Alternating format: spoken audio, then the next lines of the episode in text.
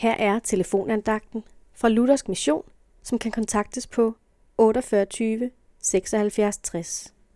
Andagtholderen i dag er Preben Skov Jensen. I Lukas evangeliet kapitel 21, vers 32 står der, Himmel og jord skal forgå, men mine ord skal aldrig forgå. Giv mig et sted at stå på, så skal jeg bevæge hele jorden. Sådan sagde en græsk videnskabsmand i oldtiden ved navn Archimedes.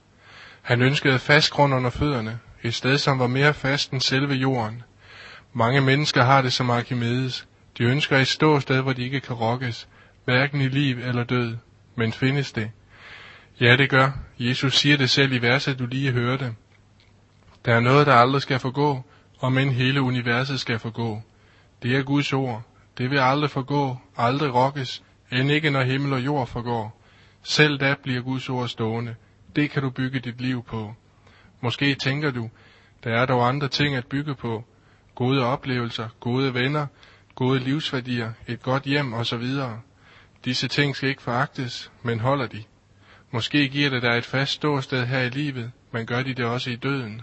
Nej, der brister det, om ikke før, så skal det hele få gå der, og du med. Men Guds ord skal bestå, også når du dør. Derfor er Guds ord enten til trøst eller redsel for dig. Det er en trøst for dig, som tror Guds ord.